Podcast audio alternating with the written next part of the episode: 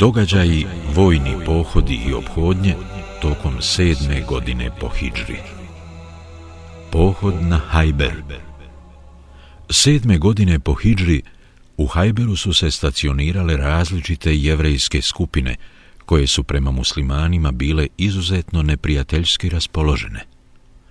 Plan velikog savezničkog pohoda na Medinu s ciljem uništenja islama i muslimana kreiran je iskovan upravo u Hajberu, a njegovi stanovnici dali su maksimalan doprinos da se taj plan i praktično sprovede u dijelo. Zbog svega navedenog, vojni pohod na Hajber bio je neminovan kako bi se iz njega uklonile i jednom zauvijek eliminisale zločinačke skupine.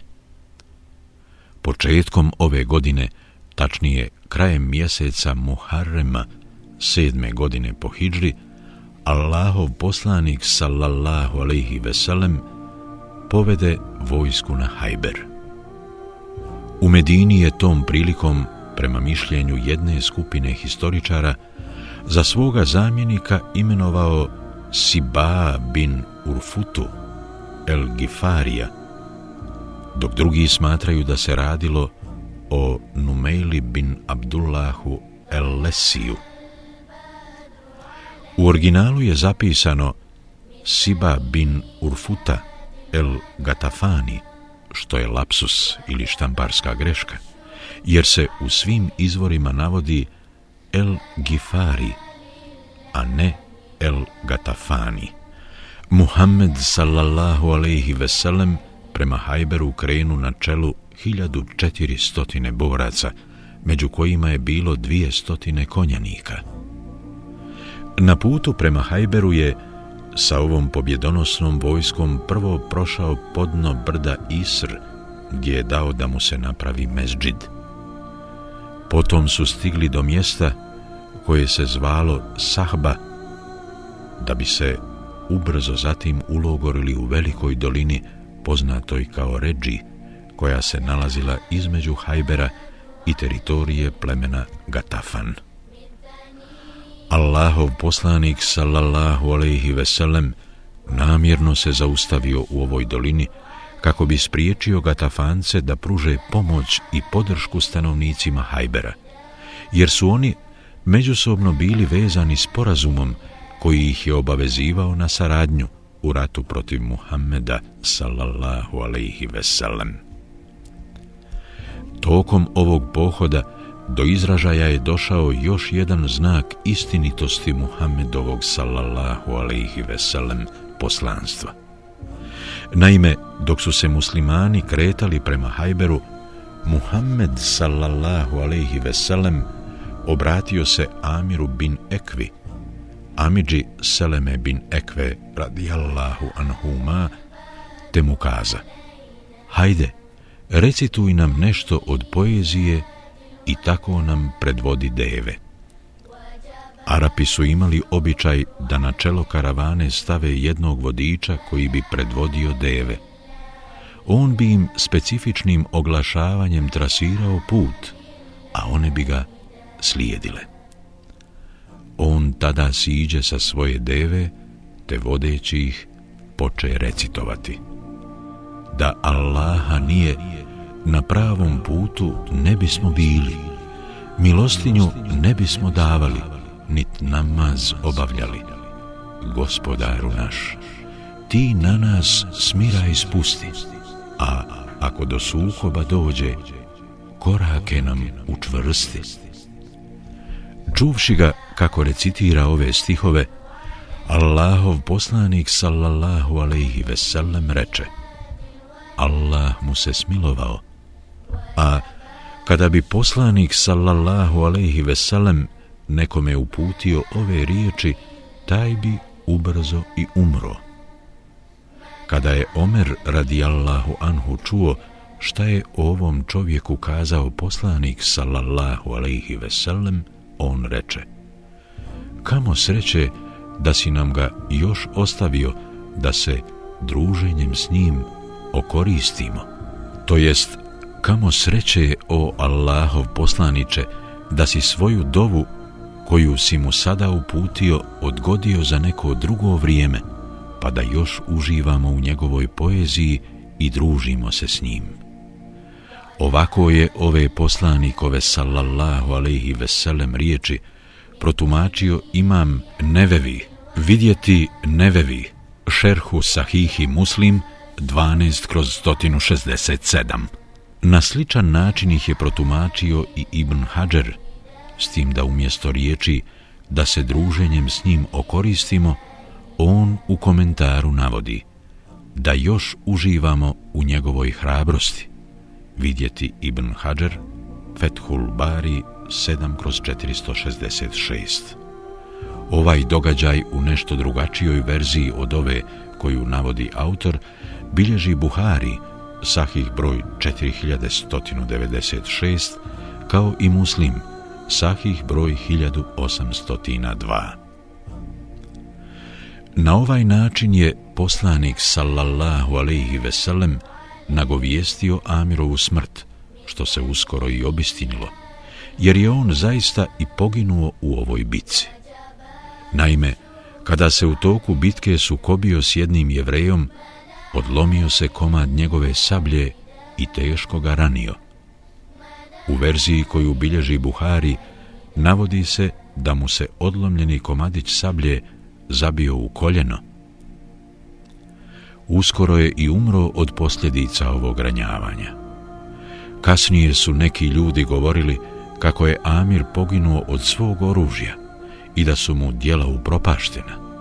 Ali je poslanik sallallahu alaihi veselem čuvši to rekao on je doista šehid potom mu je zajedno sa muslimanima klanjao dženazu.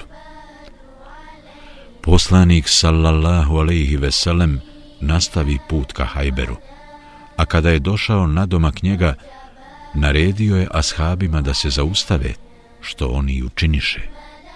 Zatim je proučio sljedeću dovu.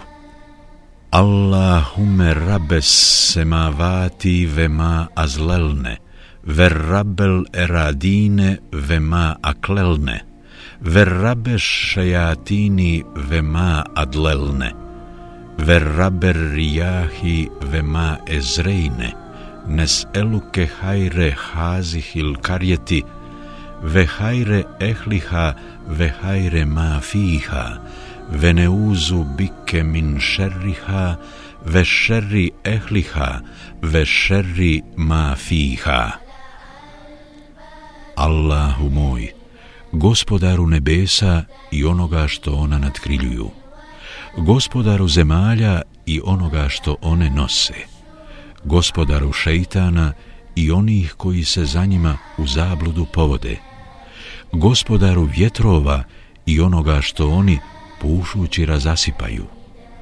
Molimo te za svako dobro ovog mjesta i njegovih stanovnika i utječemo ti se od svakog zla ovog mjesta i njegovih stanovnika i od svakog zla u njemu. Ibn Hibban, Sahih 6 kroz 425, broj 2709. Ovu dovu treba učiti pri ulasku u bilo koje mjesto. Poslanik sallallahu alaihi veselem tada reče Krenite u ime Allaha. Poslanik sallallahu alaihi veselem sa svojim ashabima stiže na hajber noću, tako da ih niko od njegovih stanovnika ne primijeti.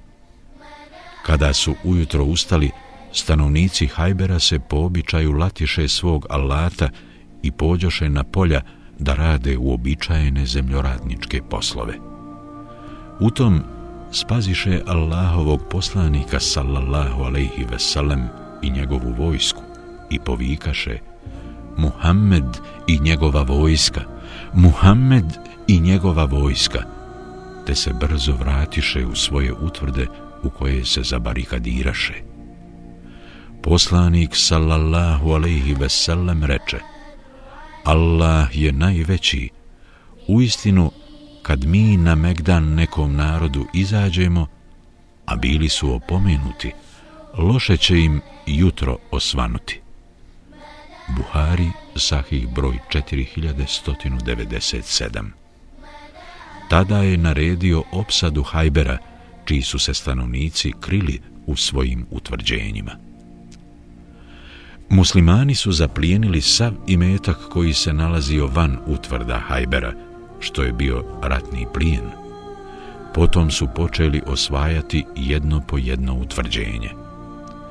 Prva utvrda koju su muslimani osvojili bila je utvrda zvana Naim.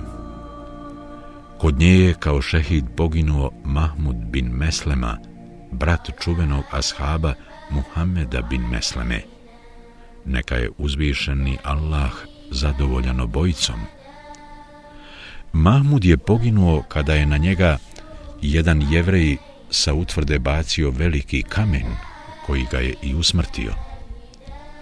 Na isti način je poginuo i ashab Hallad bin Suvejd, kojeg je ubila jedna jevrejka prilikom muslimanskog obsjedanja jevrejskog plemena Benu Kurejza.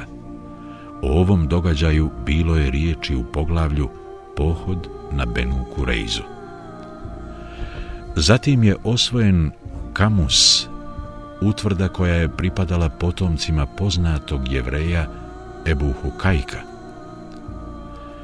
Tom prilikom zarobljeno je dosta zarobljenika, među kojima je bila i Safija, kćerka Hujeja bin Ahtaba iz jevrejskog plemena Benu Nadir, koja je bila udata za jevreja po imenu Kinana bin Rebi bin Ebu Hukajk.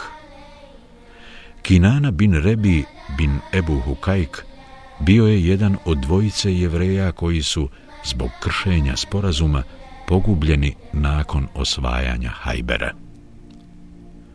Poslanik sallallahu alejhi ve sellem odluči Safiju zadržati za sebe.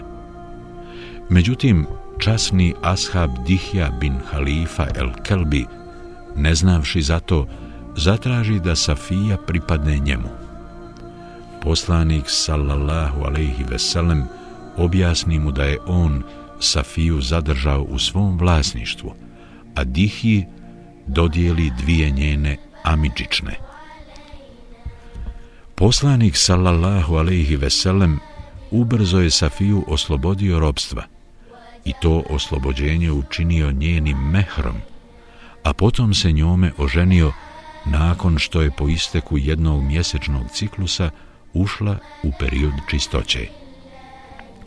Safija je prije toga primila islam i to rado, jer je vrlo dobro znala da je Muhammed uistinu posljednji Allahov poslanik. Ona pripovijeda da su nakon što je Muhammed sallallahu alaihi veselem došao na domak Medine i ocijeo u Kubau, njen otac Hujej bin Ahtab i njegov brat Ebu Jasir u ranu zoru otišli da vide Muhammeda sallallahu alaihi veselem, da s njim porazgovaraju i uvjere se da li je on uistinu posljednji Božji poslanik kojeg su jevreji željno očekivali. Vrativši se u sumrak od njega, izgledali su jadno, bjedno i sumorno, a na Safiju, koju su jako voljeli, uopće nisu obratili pažnju što je bilo suprotno njihovom običaju. Tada je čula Amidžu Ebu Jasira kako pita njenog oca, je li to on? To jest, da li je to posljednji poslanik kojeg očekujemo? A Hujej odgovori, jeste, tako mi Allaha. Ebu Jasir priupita, u potpunosti si ga prepoznao po osobinama i opisu. Da, reče Hujej. Kako ćeš postupiti prema njemu, opet upita Ebu Jasir. A Hujej mu odgovori, tako mi Allaha, bit ću mu neprijatelj dok god budem živ. Ovu predaju bilježi Bejheki Delailum Nubuva 2 kroz 533. Ala Muhammad sallallahu Poslanikova hudba na Hajberu. Imajući u vidu da su mnoge jevrejske žene zarobljene i da su muslimani tih dana jeli meso domaćih magaraca kojih je na Hajberu bilo veoma mnogo i koji im nisu bili potrebni u druge svrhe, Allahov poslanik sallallahu alejhi ve sellem održao je ashabima hudbu u kojoj je spomenuo neke vrlo bitne šerijatske propise. Pripovijeda se da je Hanneš es Sanani rekao Bili smo u vojnom pohodu sa Ruvejfijom bin Sabitom el Ensarijem, te smo osvojili jedno selo na području Magriba, koje se zvalo Džirba. Džirba je ostrvo u sredozemnom moru. Ruvejfi nam je tada održao hudbu u kojoj je kazao O ljudi, sada vam neću reći ništa drugo do ono što sam čuo da nam je na dan osvojenja Hajbera kazao Allahov poslanik sallallahu alaihi veselem. Rekao je, onome ko vjeruje u Allaha i sudnji dan, nije dozvoljeno da svojom vodom zalijeva tuđi usjev. Nije mu dozvoljeno da ima intimni odnos sa robkinjom, priležnicom, koja je prethodno zatrudnjala, sve dok ne rodi i ne izađe iz perioda nifasa. I nije dozvoljeno onome ko vjeruje u Allaha i sudnji dan da ima intimni odnos sa priležnicom sve dok ne dočeka da ona uđe u period čistoće poslije jednog hajza. I nije dozvoljeno onome ko vjeruje u Allaha i sudnji dan da prodaje svoj udio u ratnom plijenu, sve dok isti ne bude raspodijeljen. I nije dozvoljeno onome ko vjeruje u Allaha i sudnji dan da sebi iz ratnog plijena muslimana izdvoji jahaću životinju, pa da je, nakon što je iznuli i izmršavi, vrati nazad. I nije dozvoljeno onome ko vjeruje u Allaha i sudnji dan, da za sebe iz ratnog plijena muslimana uzme komad odjeće, a potom ga, nakon što ga pohaba i podere, vrati nazad.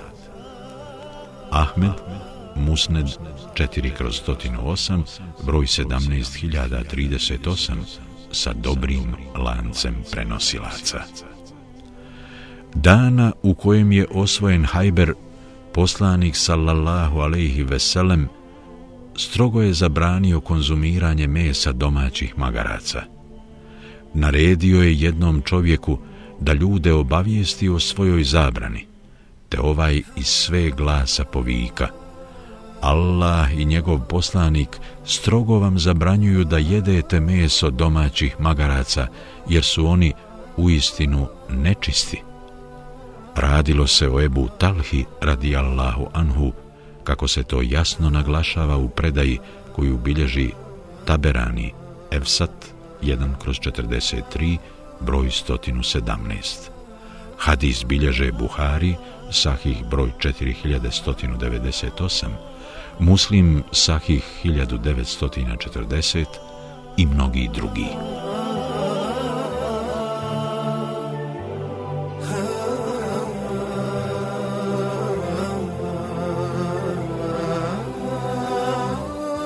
poslanikova dova biva uslišana.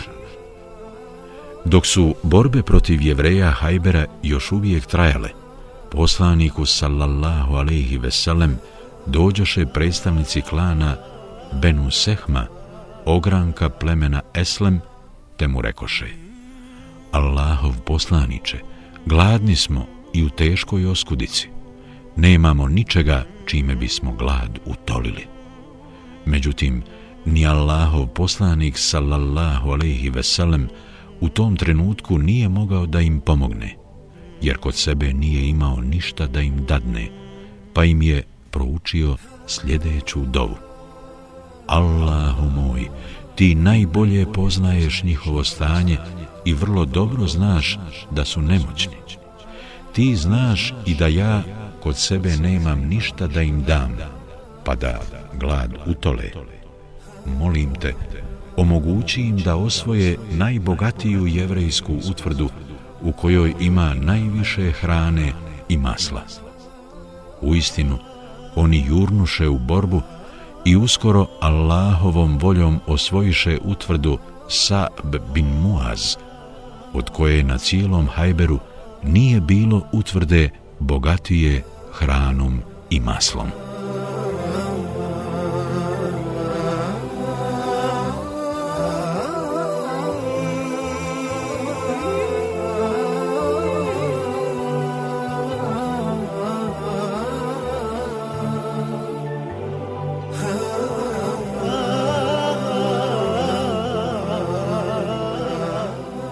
Osvajanje posljednjeg utvrđenja Poslanik sallallahu alejhi ve sellem nastavio je sa osvajanjem jevrejskih utvrđenja koja su padala jedna za drugim, dok na kraju nisu preostale još svega dvije neosvojene utvrde, a radilo se o utvrdama Vetih i Selalim. Ove utvrde je poslanik sallallahu alejhi ve sellem držao pod opsadom nešto više od deset noći, a za vrijeme opsade se odigralo nekoliko dvoboja između muslimanskih i jevrejskih junaka. U jednom od tih dvoboja učestvovao je jevrej po imenu Merhab, koji je iz utvrde izašao u punoj ratnoj opremi, recitujući sljedeće stihove. Ja sam Merhab, to znade Hajber cijelih, do zuba naoružan, junak prekaljeni čas udaram, čas bodem, oko sebe svuda. Lavovi kad nasrnu, tada čine čuda. Ono što ja štitim, to me ne dam prići, a kad ja jurišam, i junak će uteći. Kada je čuo Merhabove stihove, Alija bin Ebu Talib radijallahu anhu uzvrati mu riječima. Ja sam onaj kojeg je mati nazvala Hajder imenom. Kao lav sam snažni što caruje pustinjom. Sabljom ću vam uzvratiti i to sender mjerom. Alijina majka, a Ebu Talibova supruga, zvala se Fatima bint Esed.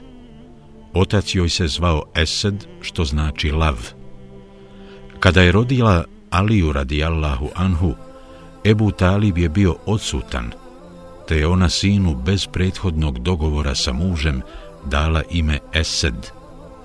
Ebu Talibu se to ime nije svidjelo, te mu je predio ime u Alija. U arapskom jeziku Hajder je jedan od mnogobrojnih naziva za lava i zato je Alija radijallahu anhu zbog rime u ovim stihovima umjesto riječi Esed, lav, upotrijebio baš ovu istoznačnu riječ, hajder.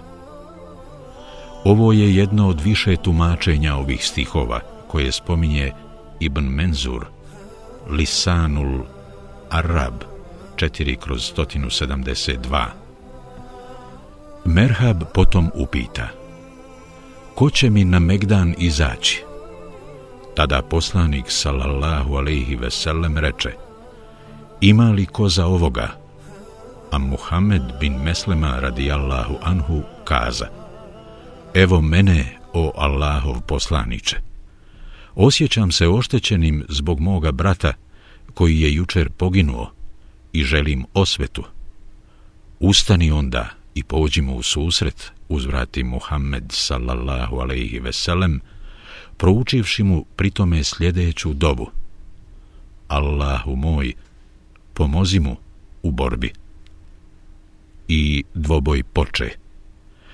Nasrtali su jedan na drugog i međusobno se borili, sve dok Allahovom voljom Muhammed bin Meslema nije uspio nadvladati i ubiti Merhaba, čime je uzvišeni Allah i uslišao dovu svoga poslanika, sallallahu alaihi veselem. Nakon Merhabove pogibije, na dvoboj izađa njegov brat Jasir, koji reče, ima li koga za dvoboja? Njemu se odazva Zubeir bin Avam, rekavši, evo mene. a njegova majka Safija povika Allahov poslaniče, sina će mi ubiti. Neće, već će tvoj sin, ako Bog da, ubiti njega, odgovori joj Muhammed sallallahu alaihi veselem. Potom su se njih dvojica sukobili i Zubeir savlada i ubi Jasira. Poslije dvoboja otpoče bitka. Muslimansku zastavu prvi je ponio Ebu Bekr radijallahu anhu, a slogan, to je stratni poklič, koji su tog dana muslimanski borci uzvikivali, glasio je O ti koji pomažeš, usmrti, usmrti neprijatelje. Ebu Bekr se borio hrabro i srčano, sve dok se nije iscrpio, međutim nisu uspjeli osvojiti tvrđavu. Nakon njega zastavu je uzeo Omer radijallahu anhu, koji se borio još žešće i srčanije od svog prethodnika, sve dok se i on nije u potpunosti iscrpio. Međutim, ni ovog puta muslimani nisu uspjeli prodrijeti u utvrdu. O tome su obavijestili Allahovog poslanika sallallahu alaihi veselem, koji reče Tako mi Allaha, sutra ću zastavu dati čovjeku koji voli Allaha i njegovog poslanika, a i njega vole Allah i njegov poslanik. Allah će dati da ruke ovog čovjeka donesu pobjedu i on neće ustuknuti. Sutradan Allahov poslanik sallallahu alaihi veselem pozva Aliju bin Ebu Taliba radijallahu anhu koji mu se požali na bol u očima. Tada poslanik sallallahu alaihi veselem malo pljucnu po njegovim očima, od čega je odmah ozdravio. Potom mu je Muhammed sallallahu alaihi veselem rekao Uzmi ovu zastavu i kreni. Ponesi je i ne vraćaj se sve dok ti Allah ne podari pobjedu. Buhari, sahih broj 3009, Muslim, sahih broj 2407. Alija radijallahu anhu uze zastavu te žurnim korakom skoro trčeći krenu na izvršenje zadatka. A ostali ashabi ga slijediše. Išao je tako sve dok ne dođe do jednog kamenog zida koji se nalazio podno jevrejske utvrde i u njega zabi zastavu. Sa vrha utvrde spazi ga jedan jevrej koji ga upita Ko si ti?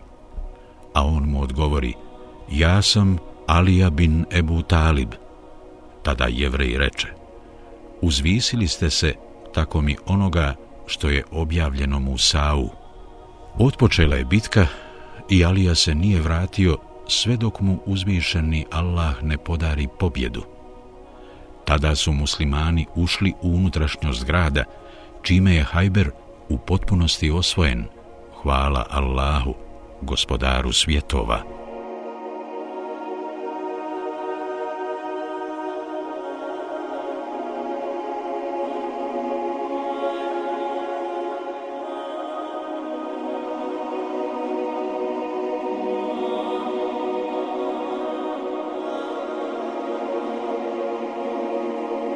Zaključci, pouke i poruke.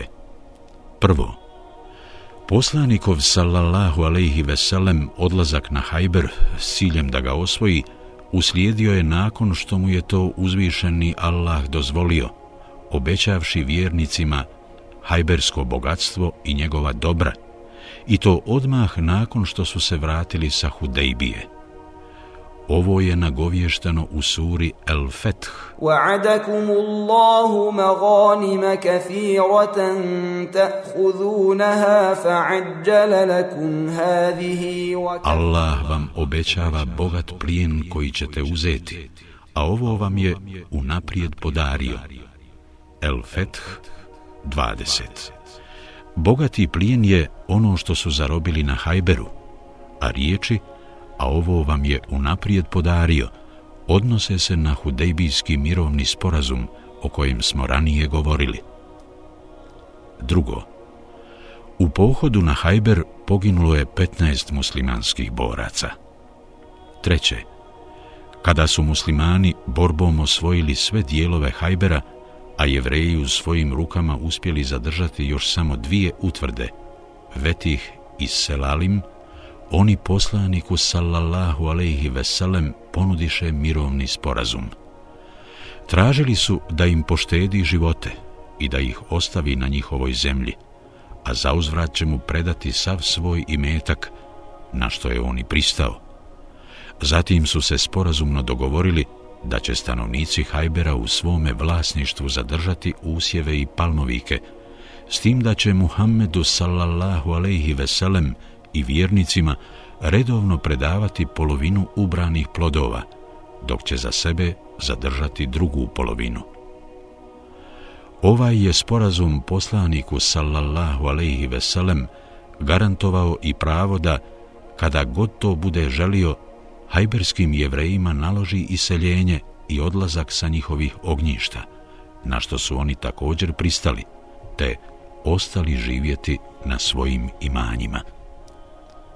Četvrto. Poslije osvojenja Hajbera i njegovog pada u muslimanske ruke, Muhammed sallallahu alaihi veselem nije dao da se pogubi niko od njegovih stanovnika, izuzev dvojice Ebu Hukajkovih sinova, jer su prekršili sva obećanja i pronevjerili sve ugovore. Jedan od ove dvojice bio je Kinana bin Rebi bin Ebu Hukajk, muž Safije bint Hujej.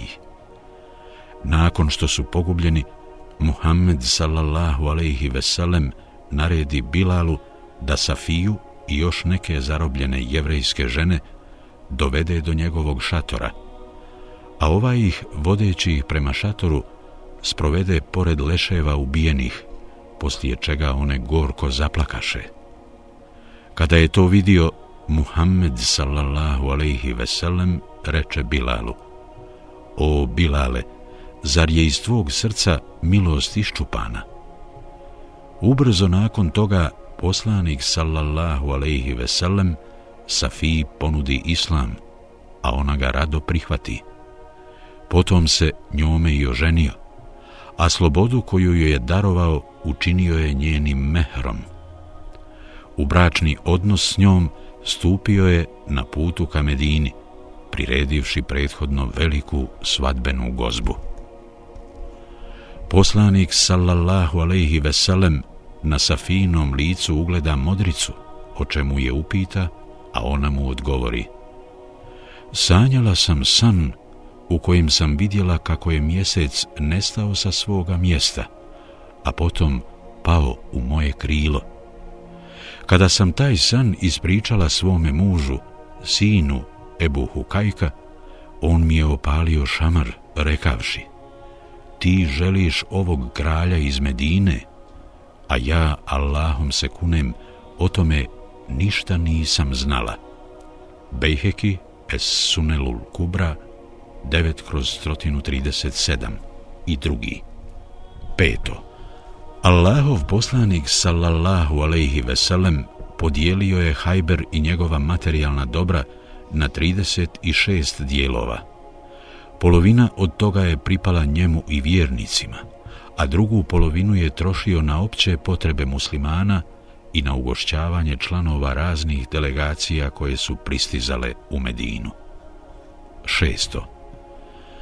Zajneba bint Haris, supruga jevreja Selama bin Miškema, pokušala je otrovati Muhammeda sallallahu alaihi veselem, donijevši mu na poklon pečenu ovcu, u koju je prethodno stavila otrov. Prvo se raspitala koji dio ovce Muhammed sallallahu alaihi veselem najviše voli, pa kada su joj rekli da najviše voli plečku, ona je u nju stavila veliku količinu otrova. Jedan od ashaba, Bišr bin Bera radijallahu anhu, pojeo je zalogaj tog mesa i nakon nekog vremena i umro. Kada je poslanik sallallahu alaihi veselem upitao ovu ženu, zbog čega si to uradila?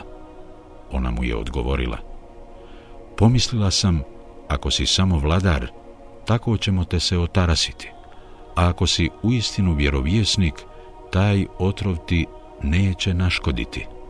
Nakon što je čuo njen odgovor, poslanik sallallahu alejhi ve sellem oprosti joj, a ona primi islam. Autor je stava da je Zaineba bint Haris primila islam, ali mnogi historičari ne podržavaju to mišljenje. Neki tvrde da je poslanik sallallahu alejhi ve sellem naredio da se nad ovom ženom izvrši smrtna kazna kada je Bišr bin Bera umro od posljedica trovanja tom ovcom. Ovo je mišljenje koje je odabrao Ibn Kaim.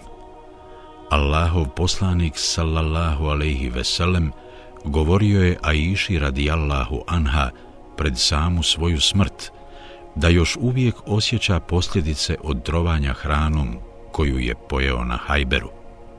Ovaj hadis bilježi Buhari, sahih broj 4428. Sedmo.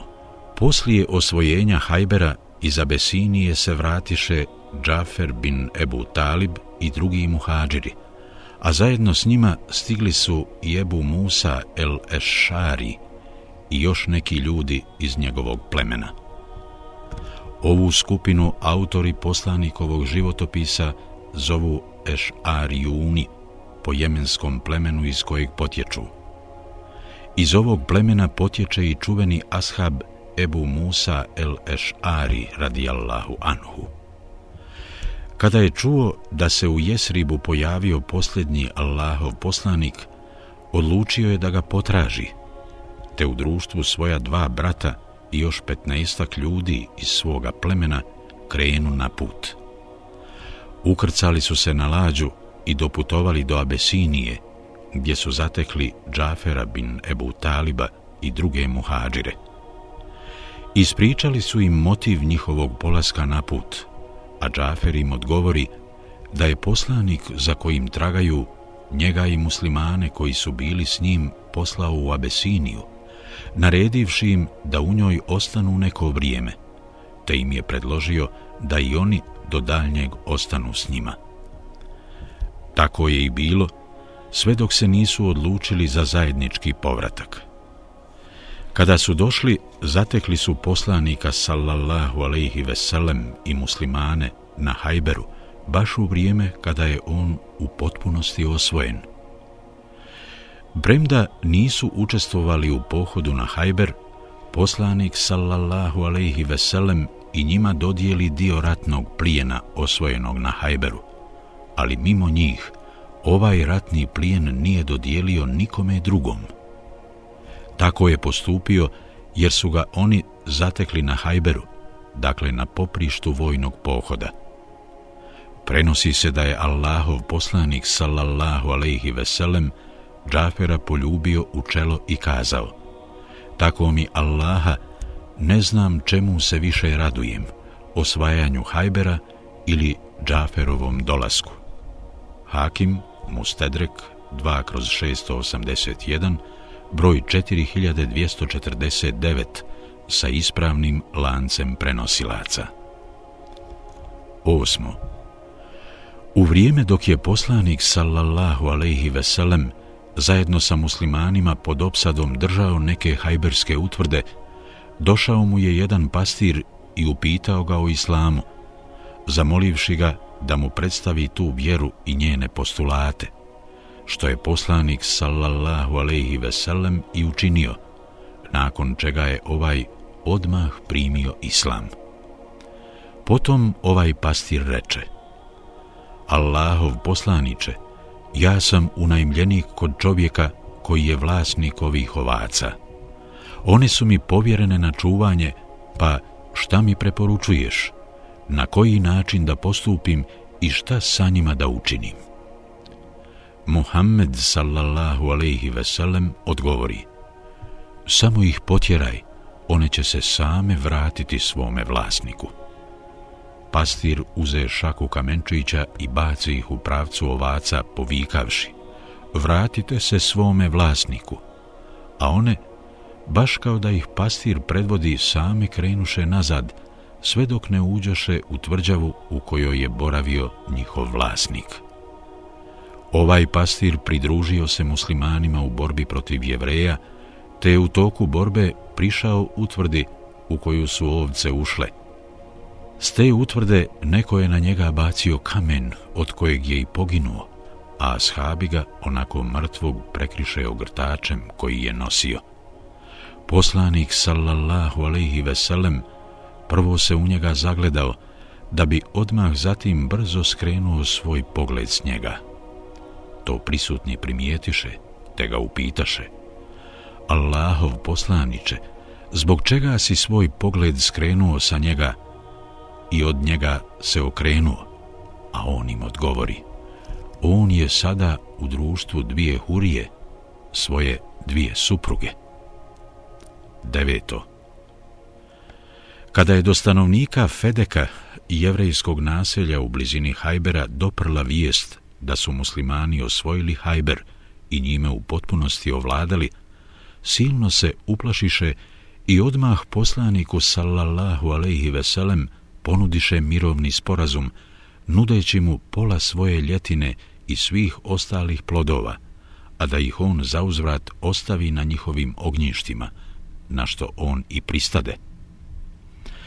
Ova vrsta plijena pripala je isključivo Allahovom poslaniku sallallahu alaihi veselem i stavljena je njemu na raspolaganje, dok vojska u njemu nije imala udjela, jer on nije osvojen ratom i borbom, već je rezultat mirovnog sporazuma.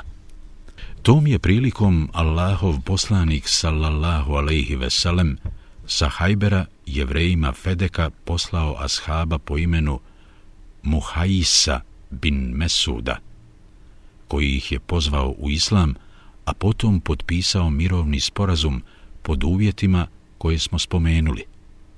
Starješina jevreja Fedeka tada je bio Jošua bin Nun. Deseto. Dozvoljeno je recitovati poeziju i pjevati kaside lijepog i poučnog sadržaja. 11. Činjenica da je poslanik sallallahu alejhi ve sellem i prije početka bitke i vijesti o pogibi Amira bin Ekve nagovijestio njegovu skoru smrt, još je jedan u nizu jasnih pokazatelja istinitosti njegovog vjerovjesništva. 12. Prilikom ulaska u bilo koje mjesto ili naselje, lijepo je i pohvalno učiti sljedeću dovu. Allahu moj, gospodaru nebesa i onoga što ona nadkriljuju, gospodaru zemalja i onoga što one nose, gospodaru šeitana i onih koji se za njima u zabludu povode, gospodaru vjetrova i onoga što oni, pušući, razasipaju, molimo te za svako dobro ovog mjesta i njegovih stanovnika i utječemo ti se od svakog zla ovog mjesta i njegovih stanovnika i od svakog zla u njemu. 13. Strogo je zabranjeno samovoljno uzeti dio ratnog plijena prije njegove raspodjele. 15. Događaj ukazuje na odlike Alije bin Ebu Taliba radijallahu anhu i na čast koja mu je ukazana time što mu je garantovano da ga vole Allah i njegov poslanik sallallahu alaihi veselem. 16. Kako smo vidjeli, uzvišeni Allah ispunio je svoje obećanje vjernicima da će osvojiti Hajber i dokopati se velikog ratnog plijena njemu pripada svaka hvala i zahvala. 17. Ovaj događaj ukazuje i na odlike Safije, majke vjernika, neka je uzvišeni Allah njome zadovoljen. 18. Dozvoljeno je uglednu osobu poljubiti u čelo i tako joj ukazati počast, kao što je poslanik sallallahu alaihi veselem postupio sa Džaferom bin Ebu Talibom radijallahu anhu. 19. Primirje koje su stanovnici Fedeka ponudili poslaniku sallallahu alaihi veselem i prije nego što ih je napao, najbolje potvrđuje istinitost njegovih riječi. Podpomognut sam strahom, zbog kojeg me se moji neprijatelji boje na udaljenosti od mjesec dana hoda.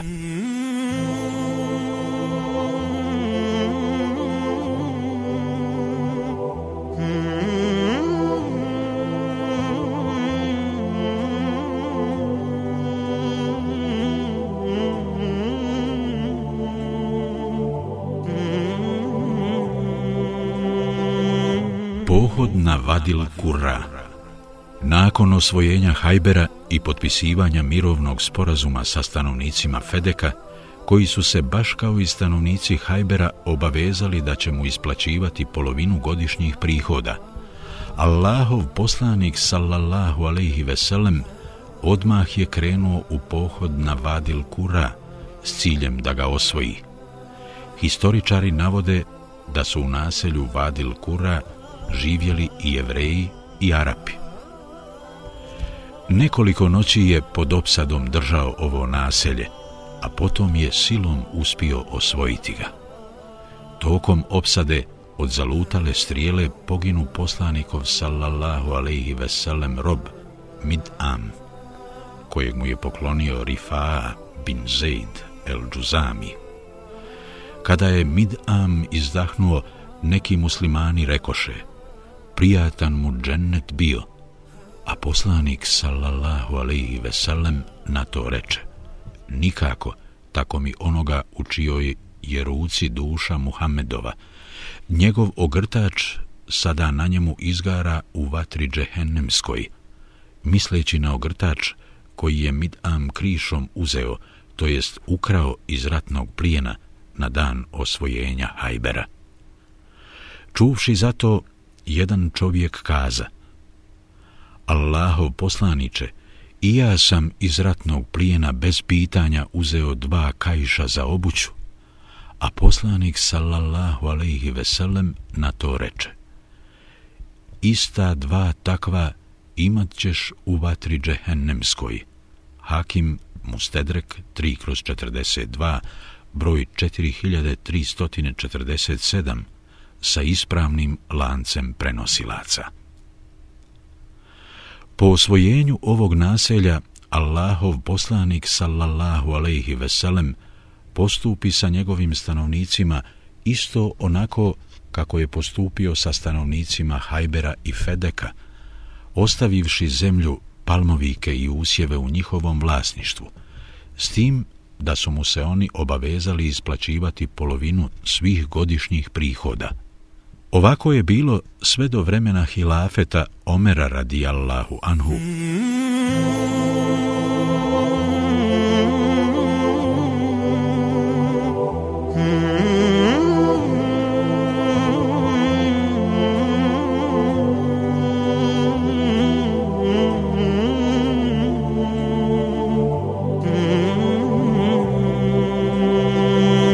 Zaključci, pouke i poruke.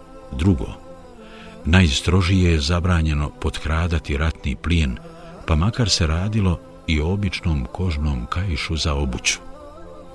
Treće, muslimanima nije dozvoljeno kategorično tvrditi da će određeni ljudi skončati u džennetu ili džehennemu, već treba potvrditi da će dobri skončati dobro, a lošiji loše. Izuzetak u pogledu pravila – da se za pojedince neće tvrditi kako će skončati u džennetu ili džehennemu, čine osobe za koje su uzvišeni Allah i njegov poslanik, sallallahu alaihi veselem, garantovali da će ući u džennet ili džehennem, o čemu se prenose mnogobrojni hadisi. Četvrto. Kako bi dodatno potvrdio istinitost onoga što govori, muslimanu je dozvoljeno da se zakune zakletvom koja je šerijatski legitimna, pa čak i onda kada od njega tu zakletvu niko ne traži. Ovo se razumije iz prethodno spomenutih poslanikovih sallallahu alaihi veselem riječi. Tako mi onoga u čijoj je ruci duša Muhamedova, koje je izgovorio komentarišući slučaj u vezi sa poginulim slugom Mid'amom.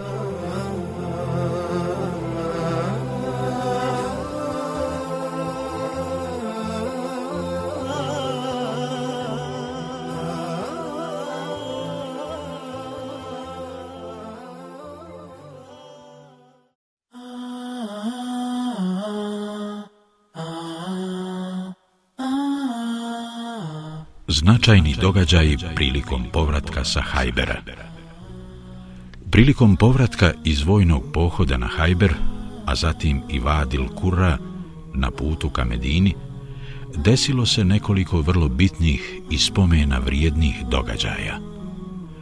Poslanik sallallahu alejhi ve sellem za vrijeme povratka sa Hajbera stupa u bračne odnose sa suprugom Safijom radijallahu anha, kćerkom jevreja Hujeja bin Ahtaba. Za tu priliku Safiju je uljepšala i dotjerala Ummu Sulejm, majka Enesa bin Malika radijallahu anhuma. Poslanik sallallahu alaihi veselem zanoćio je u svome šatoru, a Ebu Ejub el Ensari, kojem je pravo ime bilo Halid bin Zaid, cijelu tu noć proveo je na straži u blizini šatora, opasan svojom sabljom. Dok se vraćao sa Hajbera, Allahov poslanik, sallallahu alaihi veselem, odluči da i on i ashabi malo odspavaju, iako je noć već dobro bila poodmakla. Prije nego je legao, upitao je ashabe. Ko će od vas pripaziti da nam sabah namaz ne prođe, jer se bojim da ćemo čvrsto zaspati? Javi se Bilal i reče, ja ću ostati budan, o Allahov poslaniče, i dobro ću paziti. Nakon toga Allahov poslanik, sallallahu alaihi veselem, i ostali zaspaše, a Bilal osta budan. Klanjao je noćni namaz, a potom se naslonio na svoju devu i u tom položaju motrio i iščekivao pojavu zore. Međutim, san ga prevari i on, kao i svi drugi, čvrsto zaspa. Niko se nije probudio sve dok ih iz sna ne trgnuše prve sunčeve zrake. Prvi ustade Muhammed sallallahu alaihi veselem koji povika Šta nam to uradi, o Bilale?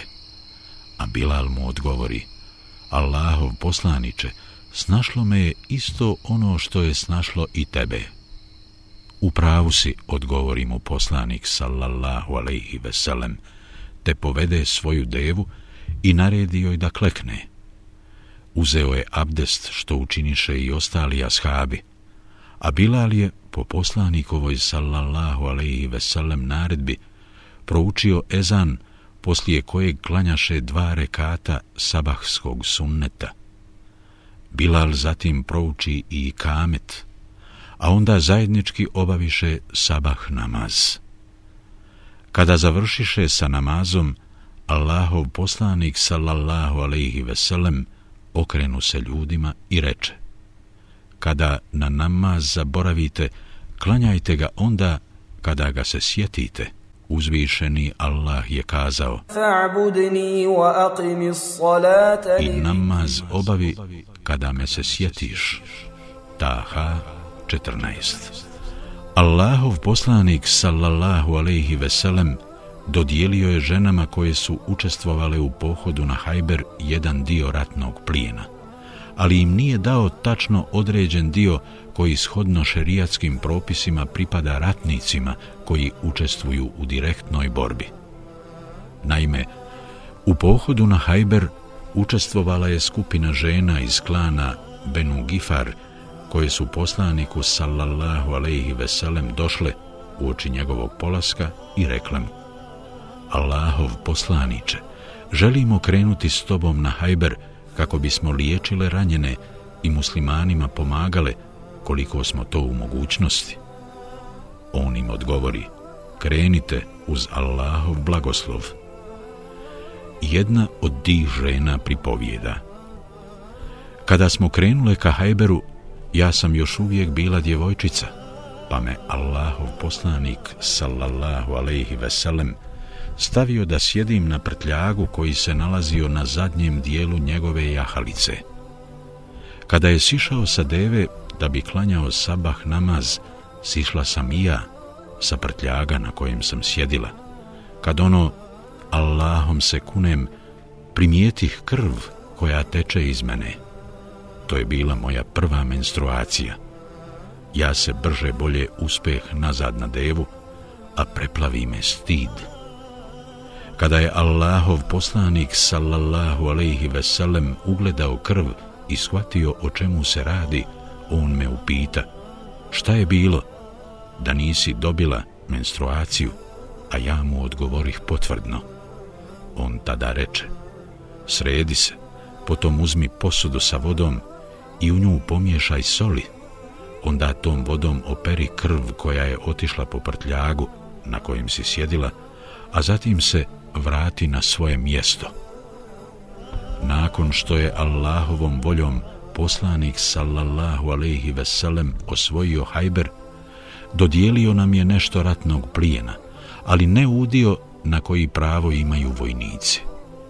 Tada mi je dao ovu ogrlicu na mome vratu, od koje se nikada ne odvajam.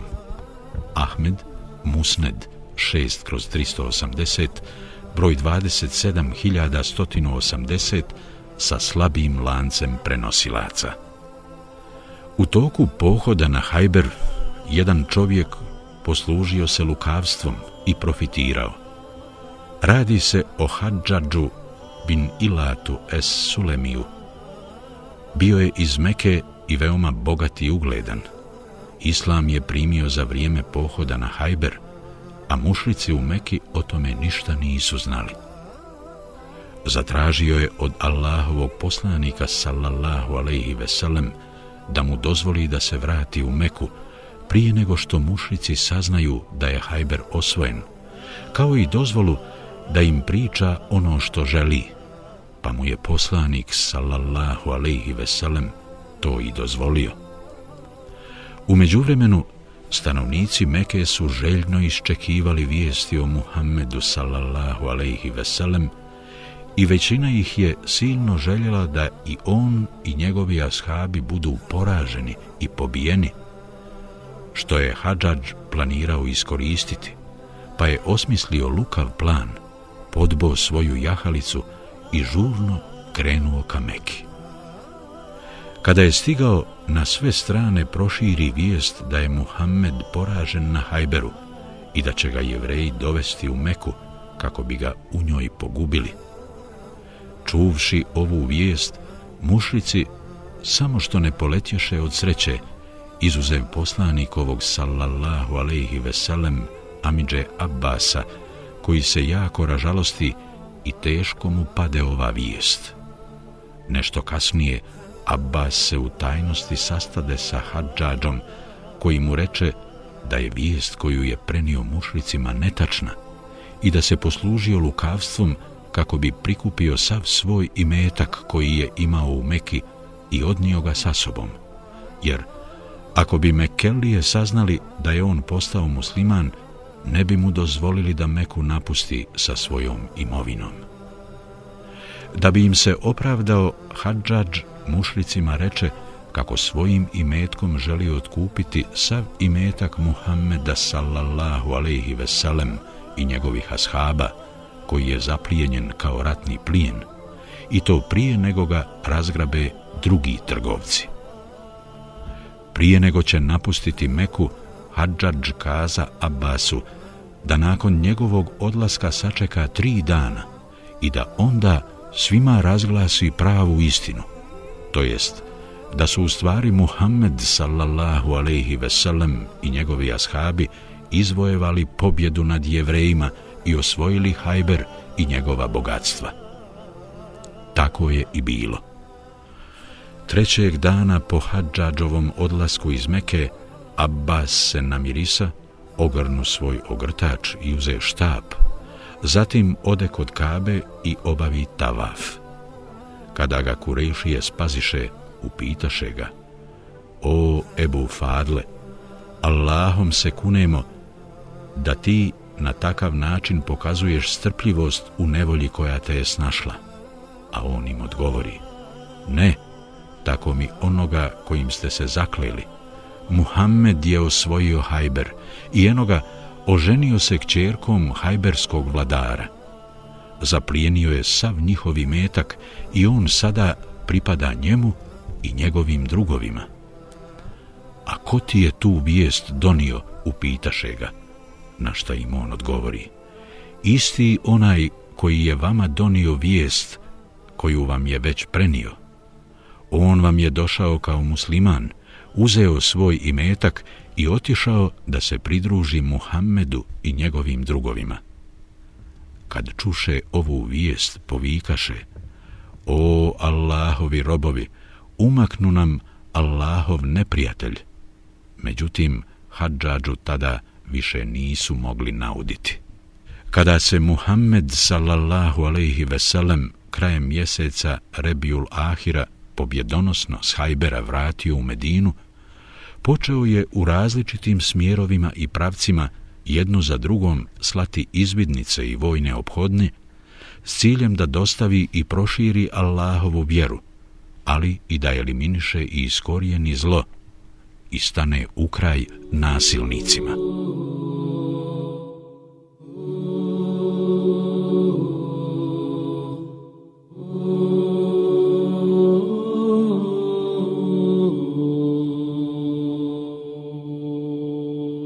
Obhodnja pod zapovjedništvom Ebu Bekra Allahov poslanik sallallahu alaihi veselem ovu izvidnicu poslao je u pravcu Neđda na teritoriju klana Benu Fezara. Predvodio ju je Ebu Bekr es-Siddik, a s njim je bio i Selema bin Ekva. Nakon što su izvršili napad, muslimani su uspjeli zarobiti veliki broj neprijatelja, među kojima se nalazila i jedna izuzetno lijepa djevojka, koja je nakon raspodjele ratnog plijena pripala Selemi radijallahu anhu. Kada su se vratili u Medinu, Muhammed sallallahu alaihi veselem od Seleme zatraži da mu pokloni ovu djevojku, što je on i učinio, a on ju je potom dao u zamjenu za neke zarobljene muslimane koji su se nalazili u Mekki. Obhodnja pod zapovjedništvom Omera bin Hattaba. Muhammed sallallahu alaihi veselem dodijelio je Omeru radijallahu anhu zapovjedništvo nad tridesetoricom ljudi i poslao ga na teritoriju plemena Hevazin, a njihov vodič tom prilikom bio je iz klana Benu Hilal. Putovali su noću, a preko dana se skrivali. Međutim, i pored toga pripadnici ovog plemena doznaše za njihov dolazak, nakon čega se dadoše u bijeg i napustiše svoje naselje. Kada je muslimanska izvidnica stigla na njihova ognjišta, ne zatekoše nikoga, te se živi i zdravi vratiše u Medinu. Obhodnja pod zapovjedništvom Bešira bin Sada el Ensarija. Bešir bin Sad bio je otac poznatoga shaba Numana bin Bešira radijallahu anhu. Ovaj je put Muhammed sallallahu alaihi veselem na teritoriju klana Benu Murra, koje je obitavalo blizu Fedeka, poslao skupinu od 30 ljudi, a kao njihovog zapovjednika imenovao je Bešira bin Sa'da el Ensarija radijallahu anhu. Susreli su pastire ovog klana, preoteli im krupnu i sitnu stoku, a zatim krenuli nazad u Medinu. Međutim, ubrzo ih je sustigla potjera, napala ih i pobila većinu članova ove obhodnje, vrativši svu stoku koju su im muslimani bili uzeli.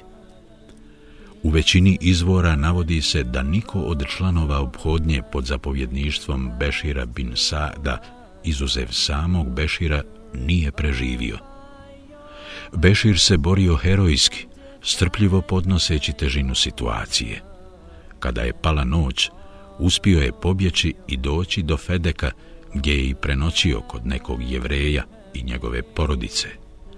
Tu je i ostao sve dok mu rane nisu zacijelile, a kada je ozdravio, vratio se u Medinu. Obhodnja pod zapovjedništvom Galiba bin Abdullaha el Lejsija. Poslanik sallallahu alaihi veselem imenovao je Galiba bin Abdullaha el Lejsija kao zapovjednika izvidnice koju je poslao na klan Hurekat, ogranak plemena Džuhejna. Muslimani napadoše u zoru i pripadnike ovog plemena vrlo brzo savladaše. Među članovima ove izvidnice bio je i Usama bin Zaid, radijallahu anhu, koji za vrijeme bitke ugleda nekog čovjeka kako pokušava pobjeći. Zvao se Mirdas bin Nehik, vidjeti Buhari, sahih broj 4269, muslim sahih broj 96. On i još jedan ensarija dadoše se u potjeru za njim, a u sama ga sustiže. Ovaj čovjek povika, La ilahe illallah, nema Boga osim Allaha, nakon čega ensarija od njega odmah odstupi i ostavi ga na miru, a u sama se lati svoga koplja i ubi ga. Kada su se vratili u Medinu, poslaniku sallallahu alaihi veselem ispričaše ovaj događaj, a on upita u samu. O, Usama, zar si ga ubio nakon što je posvjedočio da osim Allaha nema drugog Boga? A Usama mu odgovori. On je te riječi izgovorio samo kako bi se od smrti sačuvao. Poslanik sallallahu alaihi veselem toliko je puta postavio to isto pitanje da je Usama kasnije govorio. Poželio sam da do tog dana još uvijek nisam bio primio islam. Ovaj događaj možemo posmatrati i kroz poruku sadržanu u riječima uzvišenog Allaha. Ja ejuha allazina amanu iza darabtum fi sabilillahi fatabayyanu wa la taqulu ولا تقولوا لمن ألقى إليكم السلام لست مؤمنا تبتغون عرض الحياة الدنيا فعند الله مغانم كثيرة كذلك كنتم من قبل فمن الله عليكم فتبينوا Inna Allaha kana bima ta'maluna khabira. O vjernici, kada u boji krenete na Allahovom putu, sve dobro ispitajte. I onome ko vam nazove selam, ne recite ti nisi vjernik kako biste se domogli ovozemaljskih dobara. Ta u Allaha su mnoge dobiti. I vi ste prije bili kao oni, pa vam je Allah darovao milost svoju. Zato uvijek sve dobro ispitajte, a Allahu je zaista poznato ono što radite. En Nisa 94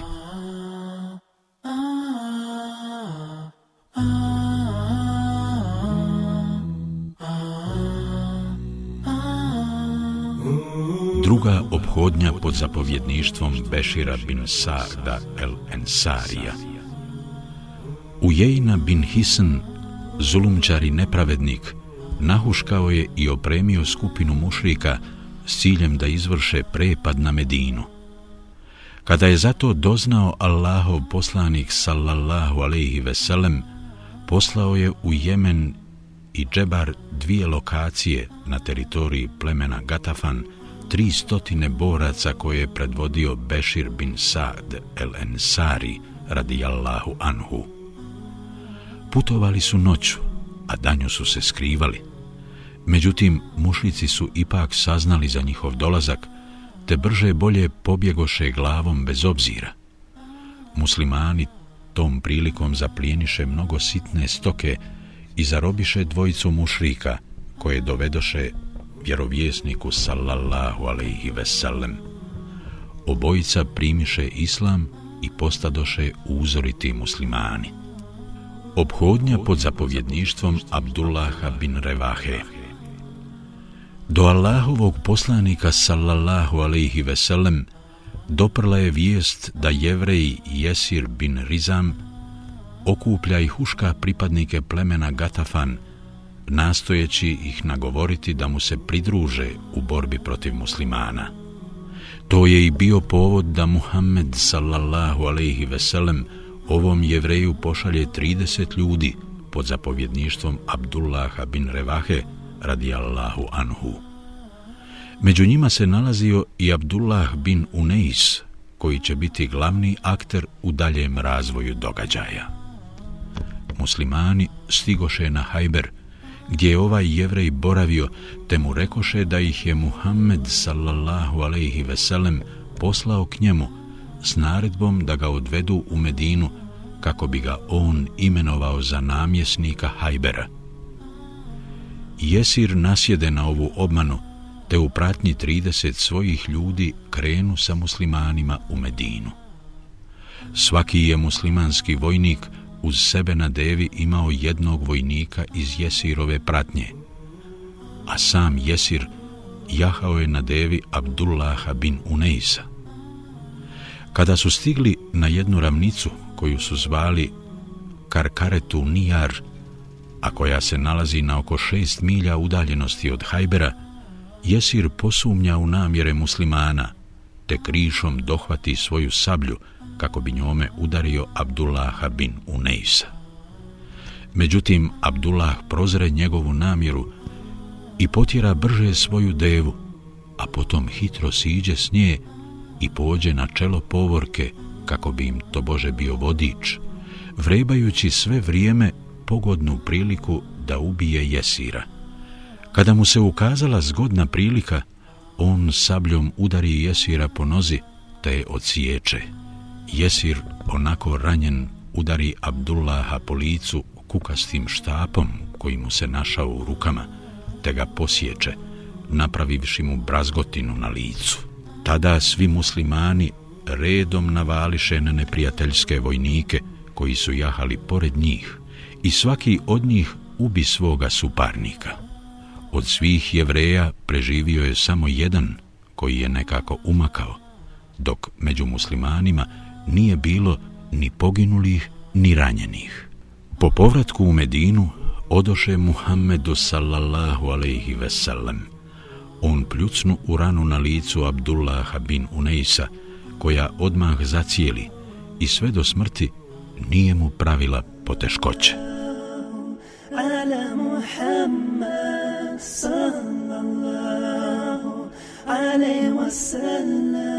Obhodnja pod zapovjedništvom Abdullaha bin Huzafe.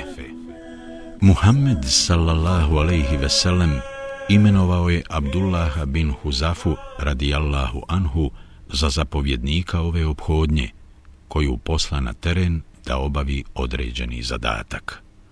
Autor ne navodi ni razlog, ni cilj, niti pravac kretanja ove obhodnje. Tom prilikom naredio je svim učesnicima da dobro slušaju svoga komandanta, to jest Abdullaha bin Huzafu, i da mu budu pokorni. Nakon određenog vremena zaustavili su se i ulogorili, a Abdullah je od svojih vojnika zahtijevao nešto, međutim, oni ne uradiše kako im on naloži, što njega naljuti. Tada im naredi da sakupe drva i nalože vatru, što oni učiniše, a potom ih upita. Zar vam Allahov poslanik, sallallahu alaihi veselem, nije naredio da mu budete poslušni i pokorni? Da, naredio nam je tako, odgovoriše. Uđite onda u ovu vatru, naredi im on. Oni pogledaše jedni u druge, a zatim rekoše, mi smo se Allahovom poslaniku, sallallahu alaihi veselem, pridružili s ciljem da pobjegnemo od vatre. Čuvši ovo, njega prođe sržba, a u tom se ugasi i vatra koju su naložili. Kada su se vratili nazad u Medinu, i Allahovom poslaniku sallallahu alejhi ve sellem ispričali cijeli događaj. On reče da su u nju ušli, iz nje ne bi ni izašli. Pokornost je obavezna samo u onome što je dobro. Buhari, sahih broj 7145, Muslim, sahih broj 1840. Zaključci pouke i poruke. Drugo, u mnogim od spomenutih događaja imali smo priliku iznova se osvjedočiti koliko je mudar i pronicljiv Muhammed sallallahu alaihi sellem bio. Četvrto, Dozvoljeno je i šerijatski sasvim legitimno izvršiti razmjenu zarobljenika, kako je postupio Muhammed sallallahu alaihi veselem, kada je zarobljenu mušličku djevojku zamijenio za neke zarobljene muslimane koji su se nalazili u Mekki. Peto. Nije dozvoljeno ubiti osobu koja posvjedoči da nema Boga osim Allaha i da je Muhammed njegov rob i poslanik, pa makar se činilo da je ta osoba šehadet izgovorila licemirno i s ciljem da spasi život. Sedmo.